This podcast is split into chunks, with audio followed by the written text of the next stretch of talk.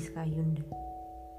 Banyak sisi kata yang tersembunyi yang kamu miliki, namun hanya bisa kamu rasakan kehadirannya setelah kamu menyadarinya. Well, kamu percaya gak sih Tuhan itu emang beneran ada? Di samping, depan, bahkan di belakang kita. Dunia kita gak pernah terlepas dari genggamannya kecil aku emang udah percaya sih. Cuman kayaknya akhir-akhir ini ya semenjak aku udah 25 tahun aku makin yakin deh. Dari sekian banyak manusia yang paling baik di dunia ternyata gak pernah lepas dari kuasanya Tuhan. Oke oke. Ini podcast pertama aku jadi untuk yang pertama ini, aku pengen memperkenalkan Tuhan yang selalu menemani aku bagaimanapun keadaan aku. Mau senang atau susah, mau lagi ngerasa benci sama dia, atau bahkan lagi lupa-lupanya sama dia. Tapi dia selalu ada buat aku. Banyak sih kebaikan yang udah aku dapetin. Jangan jauh-jauh deh udah bisa bernafas aja. Itu udah termasuk kebaikan yang Tuhan kasih loh. Tapi ini yang menurut aku luar biasa. Yang aku rasain sendiri. Kita pergi ke prolog dulu. Jadi lulus SMA di tahun 2014 masa jadinya SNPTN atau bahkan SBMPTN yang dianggap jalannya paling lancar di antara angkatan lainnya. Semua temen aku tuh tengah sibuk nyiapin buat masuk kampus impian. UPI, UNPAD, ITB, UI, IPB, Poban, Unjani, UNJ, ah banyak deh pokoknya. Tapi sebelum berperang, aku udah simpen tuh senjata aku lebih dulu. Ya, aku udah kalah duluan deh. Alasannya ya perekonomian ditambah harus memprioritaskan adik aku yang baru lahir. Karena ya kebutuhan susu, pampers dan lain-lainnya. Akhirnya saat semua teman aku kuliah aku sibuk tuh mencari kerja. Entah disebut depresi atau ambisi selama 2 tahun aku tuh gak pernah lepas yang namanya belajar untuk bisa ikut SBMPTN yang dikasih dua kali kesempatan lagi. Aku sih bisa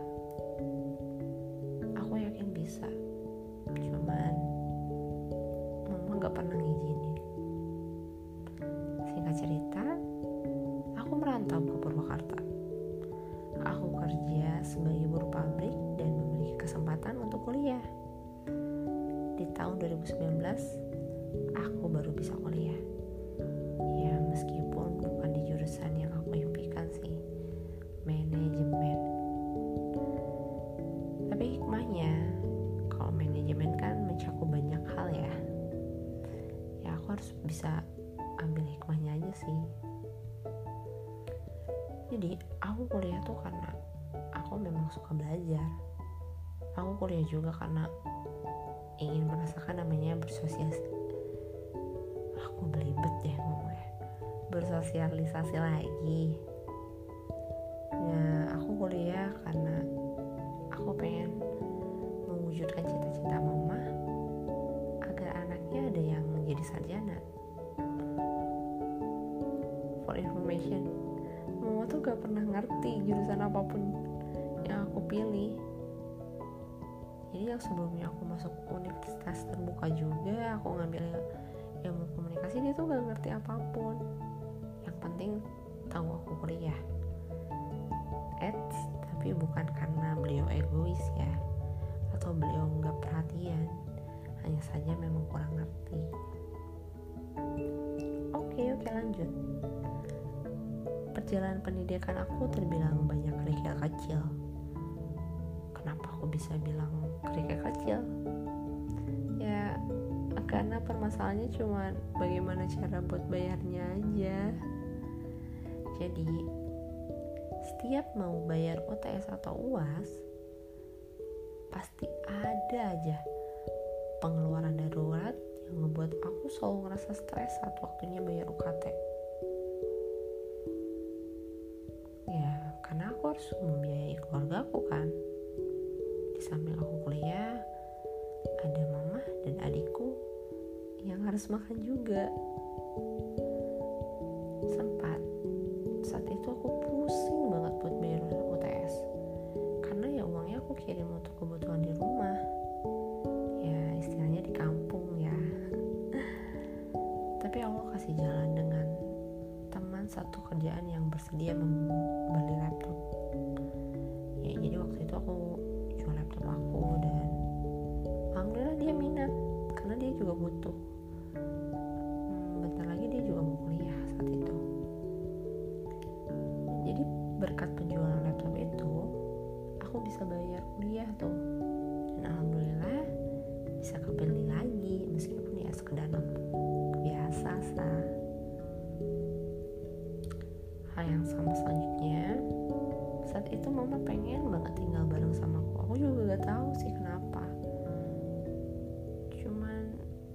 dia kayak kayak pengen lengket terus gitu. Gak mau pulang. Maka dari itu dia sama adik aku tuh ikut dikontrakan. Ya hampir sudah lebih dari satu bulan. Tapi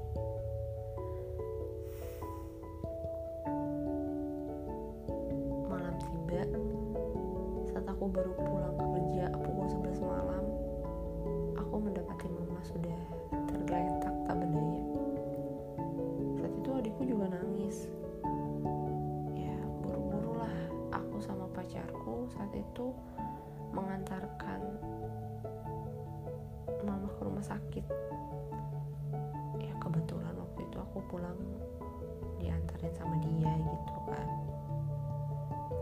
Itu per kali pertama aku mengetahui bahwa mama ternyata terkena kanker stadium 2B aku stres mikirin keadaan mama sebelum uas ah bahkan aku gak kepikiran uas gimana sih? Yang penting mama sembuh dulu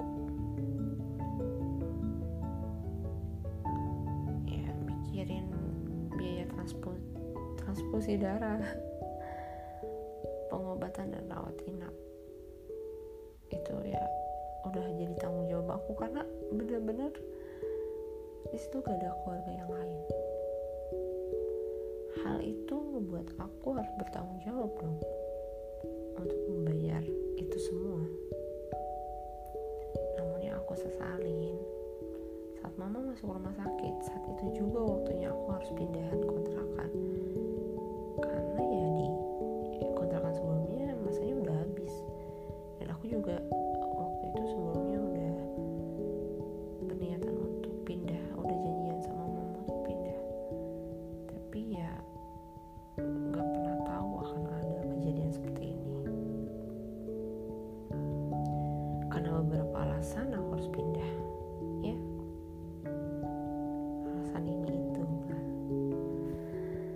jadi aku nitipin mama ke salah satu sa- sahabat aku.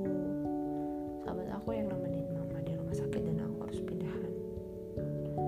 Jadi semua tunai itu untuk pindahan. Aku jadi aku pegang uang tunai. Mendadak waktu itu aku pengen banget narik uang semua untuk dipisah-pisahin buat uang uang pindahan uang bayar kontrakan baru terus bayar kuliah bayar pengobatan mama juga tapi karena keteledoran aku semuanya lenyap. Jadi aku bingung banget harus gimana. Masalah kuliah mungkin bisa aku kesampingkan. Aku bisa cuti yang penting bagaimana pengobatan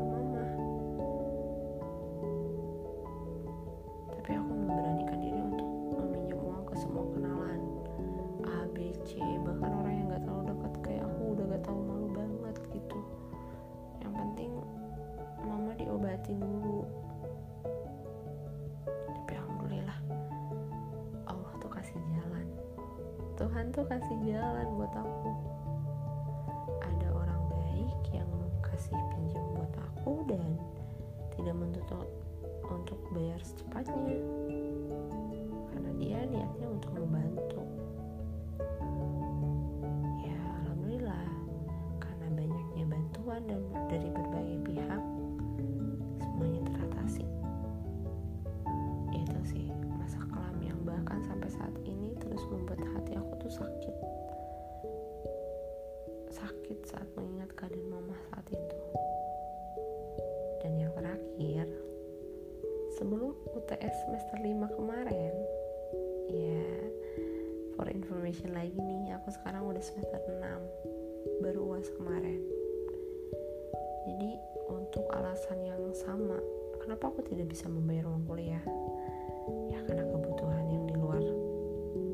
kemampuan aku. Aku selalu bilang ke mama sih kalau ketika mama lagi butuh aku selalu bilang aku ada aku buat kuliah tenang aja udah dipisahin ya meskipun nanti aku harus pikirin dulu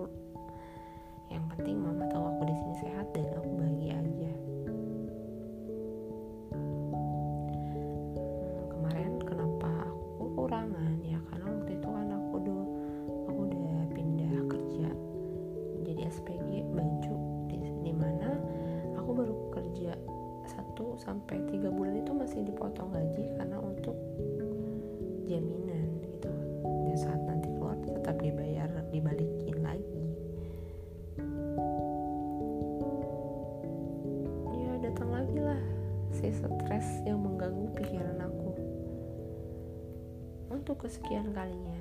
Alhamdulillah bersyukur untuk kesekian kalinya. Bersyukur untuk kesekian kalinya. Ketua kelas menawarkan bantuan biaya kuliah gratis pasca covid. Jadi ada bayaran di mana aku bisa bayar UTS tuh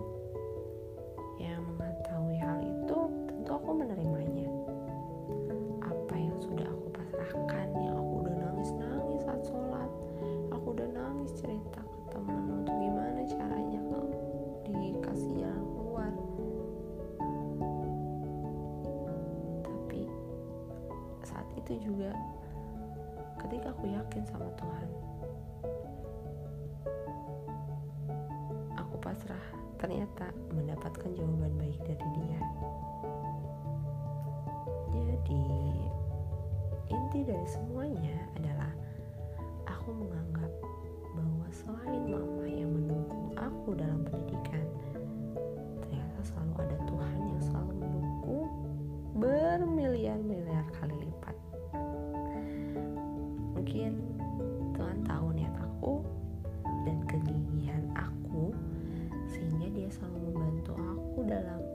masa tersulit. Dalam menyelesaikan pendidikan. Atau dia sedang melakukan kekuasaannya sebagai maha pencipta dan sebagai maha segalanya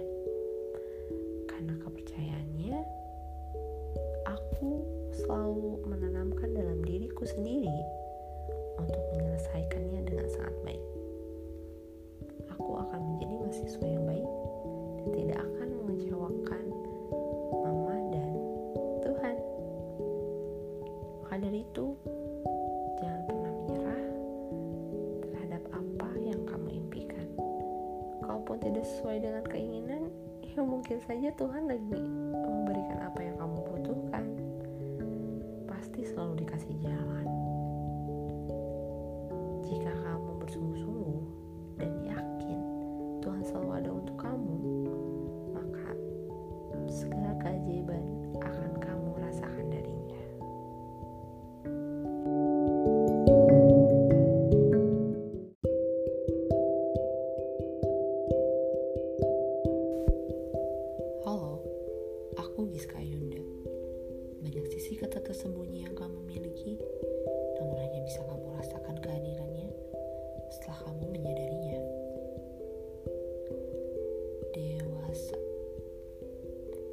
Dewasa menurut setiap orang itu pasti berbeda.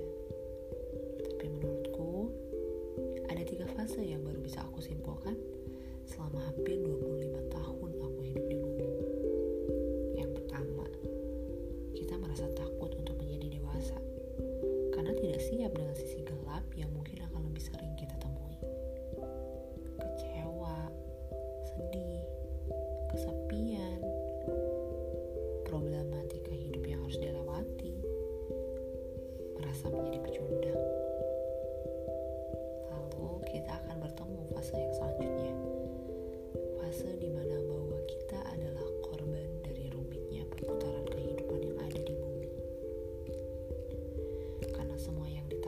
sebelumnya ternyata dirasakan saat ini.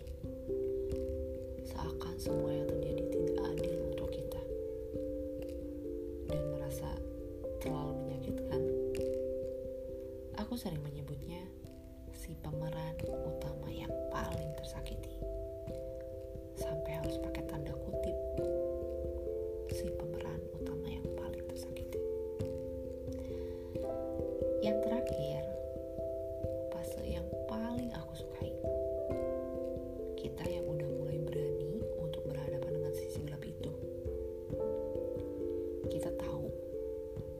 problematikanya apa. Saat itu juga kita sudah menyiapkan senjata untuk bertarung dengannya. Bahkan di fase ini telinga dan mata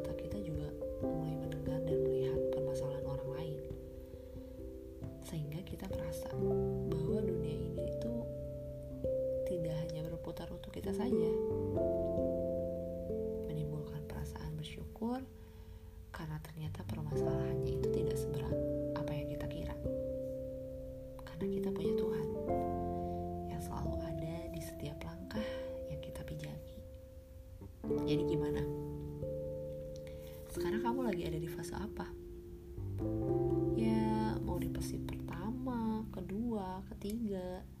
Yang penting kamu nikmatin prosesnya. Karena meskipun banyak pelajaran hebat yang ada di luar, tetap aja kan pengalaman sendiri yang bisa dijadikan pelajaran hidup kamu ke depannya. Kalau kamu bisa menyimpulkan dengan baik, aku yakin deh hasilnya juga akan baik. Maksudnya gini, saat sebelumnya kamu sering berbuat hal buruk,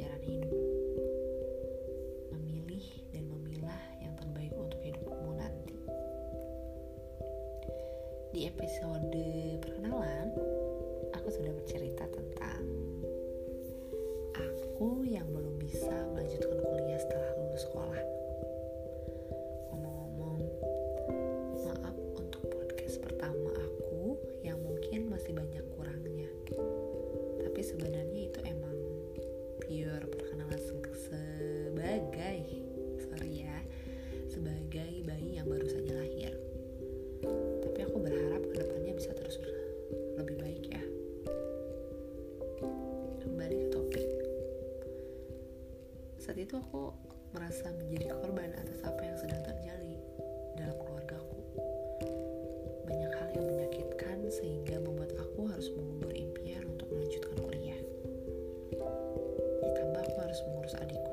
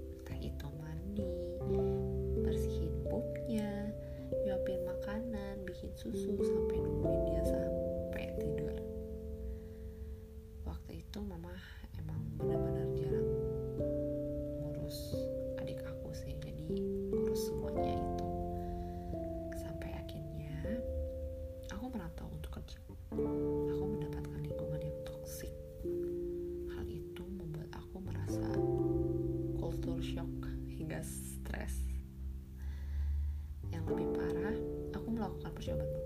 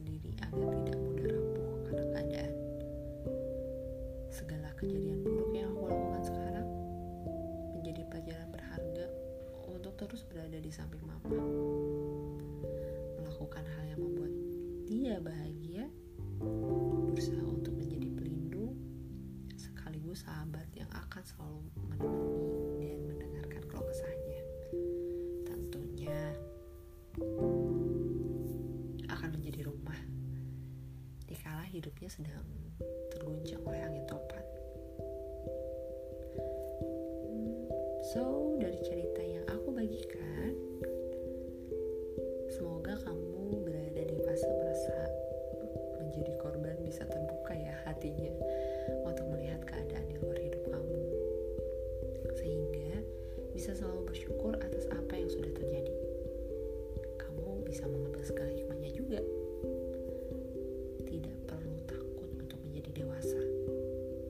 karena kamu hebat.